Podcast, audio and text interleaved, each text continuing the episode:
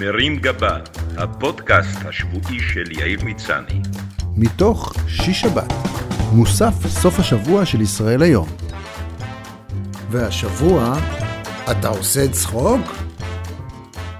השבוע שלח לי חבר שהוא במקצועו מנתח מוח בכיר, מעניין מה עבר לו במוח כשהחליט להיות חבר של חדל אישים כמוני, הוא שלח לי מאמר רפואי מקצועי ומעניין, שלשם שינוי גם הצלחתי להבין. המאמר נפתח באמירה כללית שבעיקרון הצחוק טוב לבריאות, עד למקרים שבהם הוא מגיע ללא סיבה סבירה. ואז מדובר בעניין לא מצחיק ובמקור לדאגה.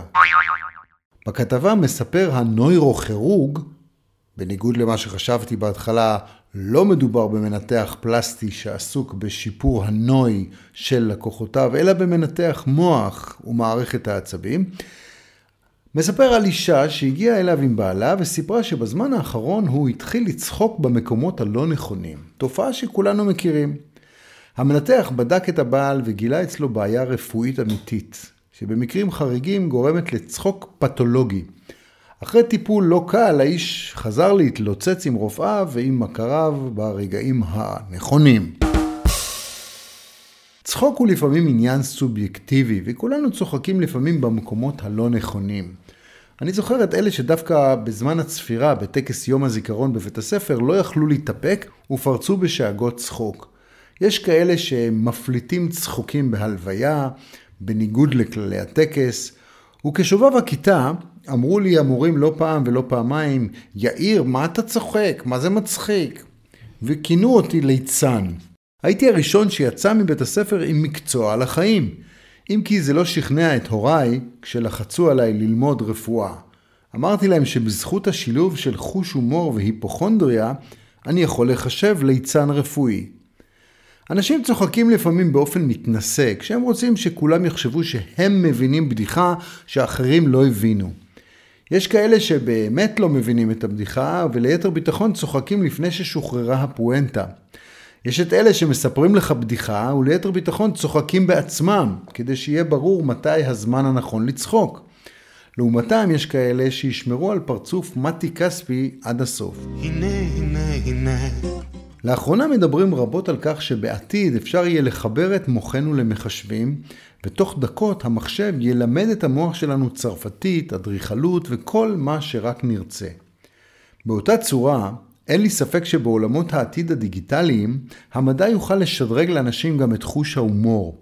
להשתיל הומור למוח של נטולי הומור וקפוצי תחת, או סתם של כאלה שלא מבינים את הבדיחות. מי שצוחק רק מבדיחות עדתיות ומאנשים שמחליקים על קליפת בננה, יוכל להשתיל לעצמו הומור בריטי מעודן, ולהפך, אנשים שצוחקים לפני הזמן או לא במקום, יוכלו להתחבר לכפתור טיימר, שיווסת את הצחוק לרגע המתאים. ואנשים שהפעם האחרונה שבה הצחיקו מישהו הייתה כשהשתינו על המוהל בברית, יוכלו להטעין למוח שלהם הרד דיסק שלם של בדיחות טובות ולהפוך לקטורזה של החבר'ה. באתרי שידוכים אנשים נוהגים לייפות את המציאות ולציין שהם ספונטניים עם חוש הומור. התרמית מתגלה מהר מאוד כבר בדייט הראשון, כשמתברר שלמזלג במסעדה יש יותר הומור מהם. בעולם העתידני יימנעו מבוכות כאלו, ותוכלו לשפר את הקיים או להטעין למוח הומור שיתאים לדייט. הומור של משחקי מילים, סלפסטיק, סאטירה, הומור אבסורדי, הומור שחור, בדיחות בזוקה וכן הלאה. אנשים שהתגברו על שלב הדייט ועברו לחיות ביחד, יודעים שעם שחיקת החיים ביחד, מה שהצחיק פעם לא מצחיק היום.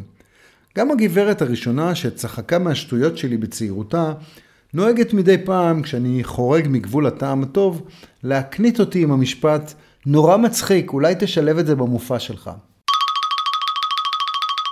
השירות העתידני יאפשר לי לטעון למוחי בדיחות שיתאימו גם לטעמה המעודן, או לפחות כאלו שהיא לא שמעה כבר 50 פעם. אם תרצו להסיק מסקנות מהמאמר המלומד, הייתי מסכם ואומר שהצחוק בריא לאדם, אם כי לא מומלץ להגזים. מחקרים מראים שדווקא לזוגות בלי הומור יש פחות קמטים. 2. אם בן הזוג צוחק מאז ומתמיד לא במקום, אין סיבה לשלוח אותו לרופא, הוא סתם טמבל. פיליפ העולם אוהב סיפורים על נסיכים, נסיכות, מלכות ומלכים. זה נשמע כמו אגדה, מפרנס את טורי הרכילות, ובאנגליה זה גם ביזנס ענק שמפרנס יצרני צלחות, כוסות, מאפרות ושאר מרצ'נדייז עם דיוקנאות של משפחת המלוכה שמעשירים את קופת המדינה שמממנת את אותה משפחה. אצלנו בארץ, שבה אין בינתיים משפחת מלוכה רשמית, למרות שהבוזגלוס בהחלט מנסים, נוהגים להשתמש במושגים מלך ונסיך באופן די פזרני. לאחרונה אני שומע המון משפטים כמו מה קורה נסיך? מה העניינים מלך? שלא לדבר על שימוש סיטונאי בתארים כמו מלך הקסטות, מלכת השושנים ונסיכת הנילוס, כלפי אנשים שהם ממש לא מאזור חיוג ווינזור, והכתר היחיד שיש להם זה כיסא של כתר פלסטיק. בשבוע שעבר הלך לעולמו הנסיך פיליפ, בעלה של המלכה אליזבת. הוא מת בגיל מבוגר מאוד, ועם כל העצב, כמו שאבי נוהג לומר, זה לא שהמנקת חנקה אותו. הרבה ביקורת נשמעה במשך השנים על פיליפ. אמרו שהוא פרזיט, נהנתן, בטלן, שלא עבד יום בחייו, אבל דווקא אנחנו צריכים לשמור לו פינה חמה, ולו רק בגלל העובדה שאימו הצילה יהודים בשואה. הרי מי לא היה רוצה לקמבן לעצמו את הג'וב הנכסף של נסיך?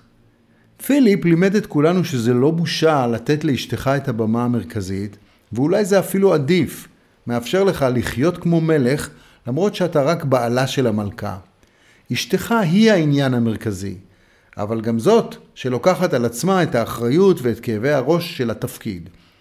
פיליפ לא נשא בתפקיד המפרנס במשפחה, וכנראה שלא יצא לו להגיד לאליזבת, ממי, צלצלו מהבנק ואמרו שאנחנו בחריגה, חייבים להדק את החגורה, או החודש הגזמת עם קניית הבגדים, שלא לדבר על הכתרים שקנית בפוקס קינגס. פיליפ השתתף בטקסים רבים, הוא ירה בנשק חם כשעסק בציד צבאים, צפה במרוצי סוסים וגזר סרטים בפתיחות של כל מיני ארמונות ותערוכות, מה שעשוי להיות מעייף לפחות לכמה דקות. לא כולם נולדים נסיכים, וכמו פיליפ, גם כלתו דיאנה ורעיות נכדיו, קייט ומייגן, הצליחו להתגנב למשפחת המלוכה. איך זה קורה? באיזה ברים הם פגשו את בני המלוכה? ומה בדיוק כותבים בטינדר בהגדרות? מחפש או מחפשת נסיך או נסיכה לקשר רציני ותואר מלוכה? זה בטוח לא קל, אבל בהחלט שווה את המאמץ. ליבי עם המלכה אליזבת שבגילה המכובד חוזרת לשוק וצריכה למצוא זוגיות חדשה, להתרוצץ בין דייטים מעיפים, שבכולם יגידו לה כמה היא מלכה, ולשמוע סיפורים משעממים מרווקים וגרושים שרוצים להיכנס לכפכפיו ולחפתיו של פיליפ. יהיה לה קשה להבחין בין מחזרים אותנטיים לכאלה שרוצים לנצל את מעמדה ולחיות כמו מלכים. אני הייתי מציע לה לנסות לחפש בין גברים שכבר הוכתרו למלכים, ואצלנו יש כאלה בשפע. מלך הפלאפל, מלך הסביך, יוסף מלך השטיחים, מלך השערים, או דוביגל, מלך הסלים. שבוע טוב. מרים גבה, הפודקאסט השבועי של יאיר מצני. מתוך שיש שבת, מוסף סוף השבוע של ישראל היום.